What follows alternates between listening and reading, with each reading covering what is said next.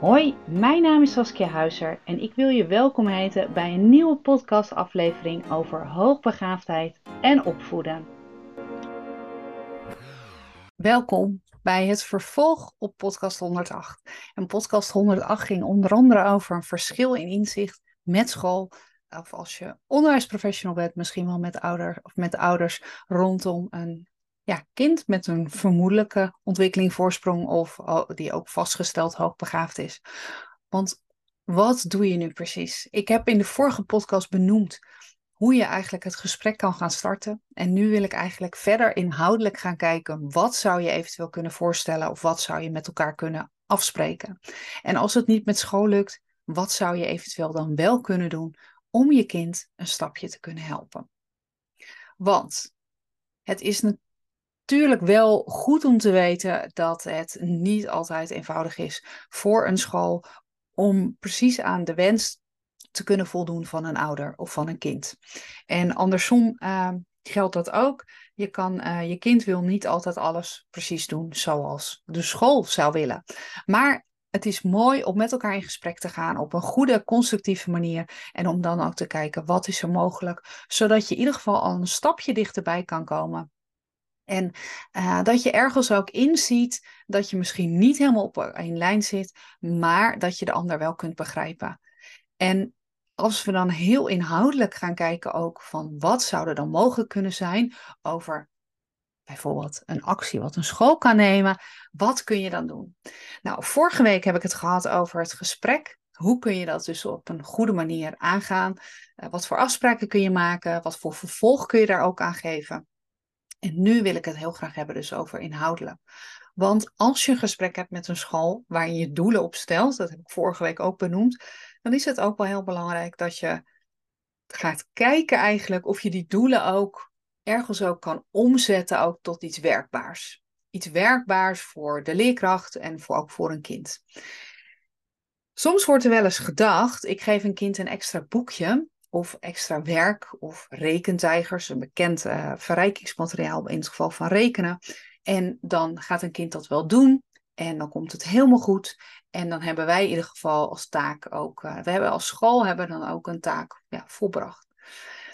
Toch is dat niet zo.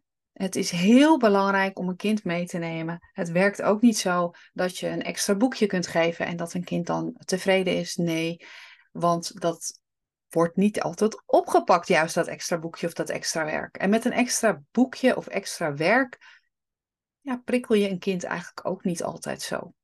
En uh, dat is vaak ook niet waar de kern zit. Want wat wil een kind nu precies? Wat heeft een kind nodig? Nou, dat kun je dus met elkaar bespreken in een uh, ja, gesprek, maar ook uiteindelijk met een kindgesprek.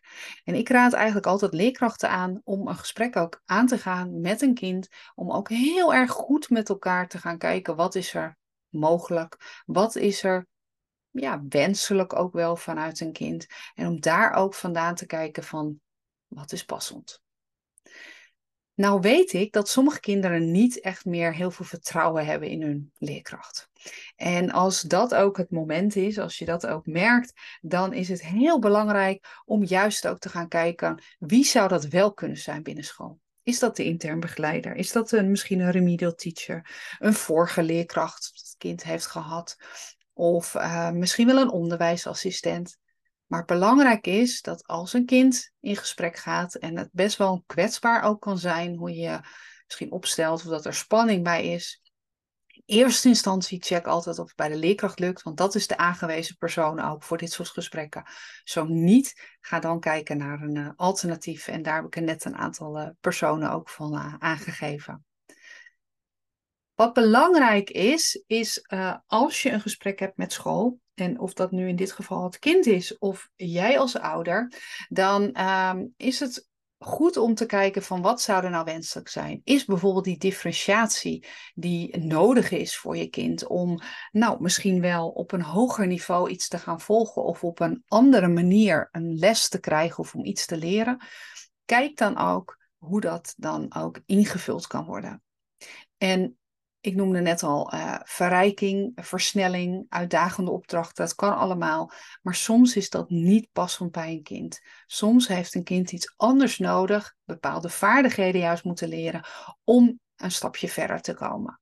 En ook dat is heel zinvol om dat met elkaar te bespreken. Het kan zijn dat voor een kind het heel erg fijn is om bijvoorbeeld in een hogere groep of buiten de klas. Het ligt er net aan hoe het type onderwijs zeg maar ook ja, is geregeld uh, bij jou ook op school.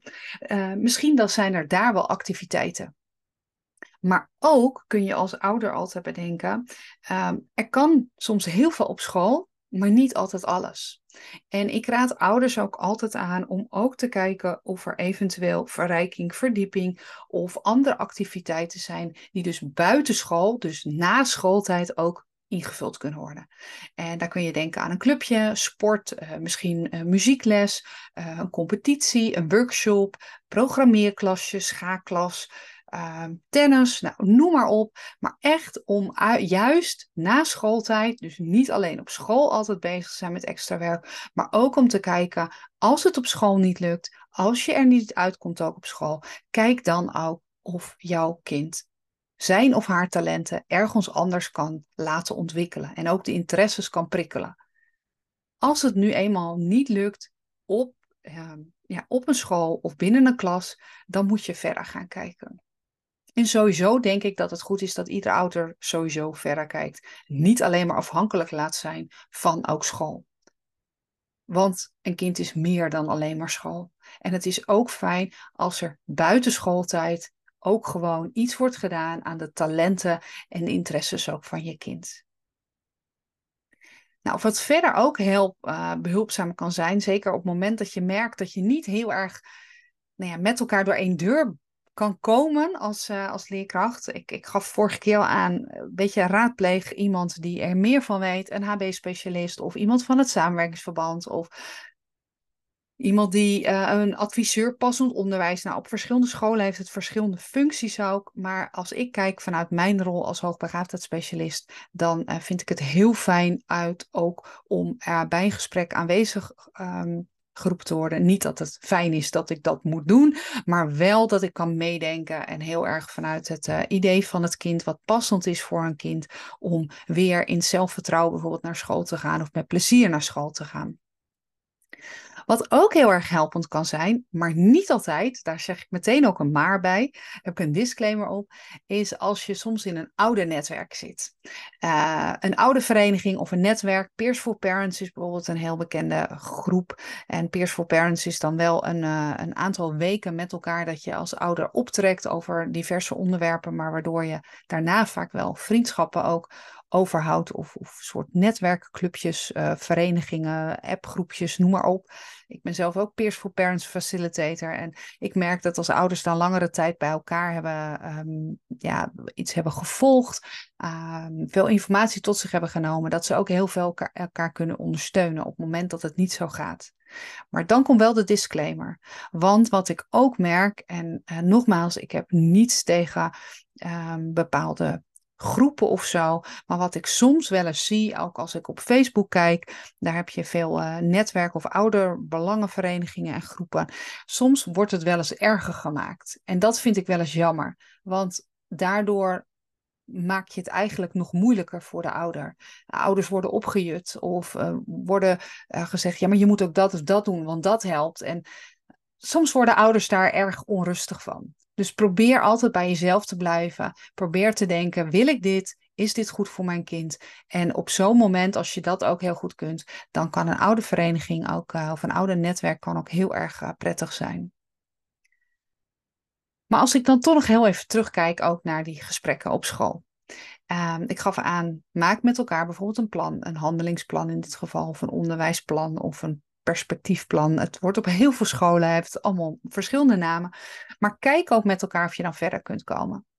En hou ook ergens, hou die documentatie ook bij. Alle afspraken. Soms maakt een, een leerkracht een verslag, soms maakt een intern begeleider een verslag.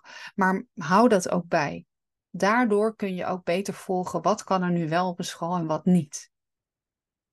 En als iets niet kan, dan kun je daar ook weer verder mee kijken. En stel dat je toch beslist, bijvoorbeeld om je kind te laten testen, dan heb je heel veel ook aan deze informatie. Want je weet dan wat er uiteindelijk besproken is. En dan kun je ook met die persoon bijvoorbeeld, kun je ook verder gaan kijken, want dan zijn er misschien nog hele andere mogelijkheden. Wat verder ehm, soms uh, helpend ook kan zijn, is dat je ehm, nou ja, eigenlijk ook heel erg bekijkt van welke alternatieve opties zijn er ook. Is het bijvoorbeeld mogelijk, en dat gaat vooral uh, vaak vanaf groep 7, dat bijvoorbeeld een kind uh, een masterclass kan meedoen op het voortgezet onderwijs. Of misschien wel één dag in de week al op een voortgezet onderwijsschool kan kijken. Dat is per regio verschillend. Um, ik woon zelf in de regio Amsterdam. Daar kan het. Kinderen vanaf groep 8 kunnen af en toe een masterclass of een dag per week naar sommige voortgezet onderwijsscholen toe. Ligt heel erg aan de samenwerking tussen de basisschool en uh, de VO-school. Maar dan kan een kind daar bijvoorbeeld al een dag kijken. Dus bekijk, kijk daar ook naar. Dan zijn er natuurlijk ook nog de kinderen die uiteindelijk een thuiszitter worden of thuisonderwijs krijgen. En um, dat vind ik altijd heel erg, ja, ergens verdrietig als dat gebeurt. Want ieder kind wil volgens mij het liefst op een plekje zitten uh, waar hij of zij peers tegenkomt of kinderen waarmee hij of zij plezier heeft en tegelijkertijd ook nog zich ontwikkelt in positieve zin natuurlijk. En als je thuis bent en als je die beslissing uiteindelijk als ouder gaat nemen dat je kind thuis is, dat lijkt mij een van de moeilijkste beslissingen. En hopelijk en dat hoop ik ook altijd, ook met mijn podcast, maar ook door zoveel mogelijk kennis inderdaad te delen. En uh, om te kijken toch wat is de beste plek voor een kind. Dus mocht je er echt niet meer uitkomen, dan um, ja, blijf in gesprek met elkaar en blijf ook alle opties bekijken in ieder geval. Maar wat belangrijk is, is dat wat er ook gebeurt, ik hoop natuurlijk eigenlijk dat na, na dit tweeluik, dat je nou ja, misschien wel het verschil van inzicht dat dat het liefst verdwijnt of dat je tot een compromis komt of misschien nog wel verder komt uiteindelijk met als doel voor jouw leerling in jouw klas of voor jouw zoon of dochter zo goed mogelijk onderwijs te hebben, waardoor hij of zij zich gewoon ontwikkelt als een gelukkig persoon vol zelfvertrouwen en met plezier naar school gaat. Maar als dat niet helemaal lukt, evalueer met elkaar. En kijk keer op keer wat al een kleine stap is naar elkaar toe, wat dat al voor verandering kan geven. Want soms is een klein stapje al iets. Beter iets dan niets.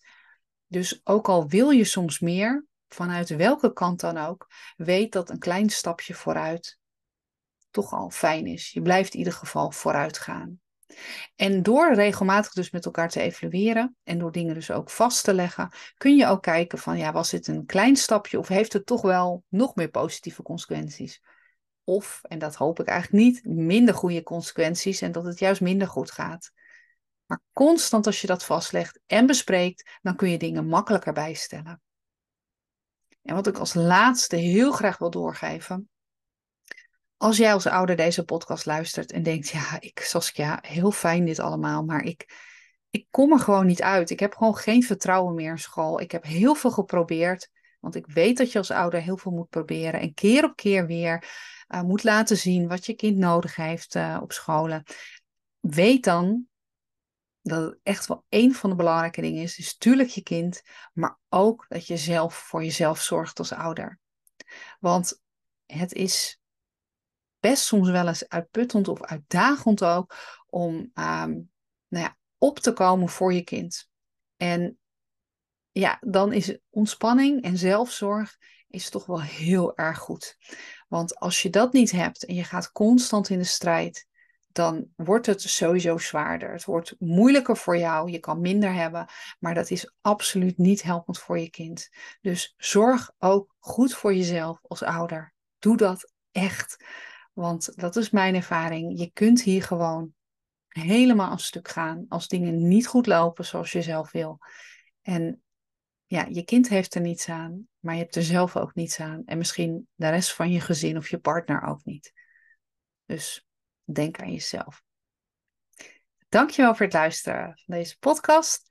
En Volgende week staat er weer een nieuw onderwerp op de planning en ik hoop dat je dan weer luistert. Tot ziens!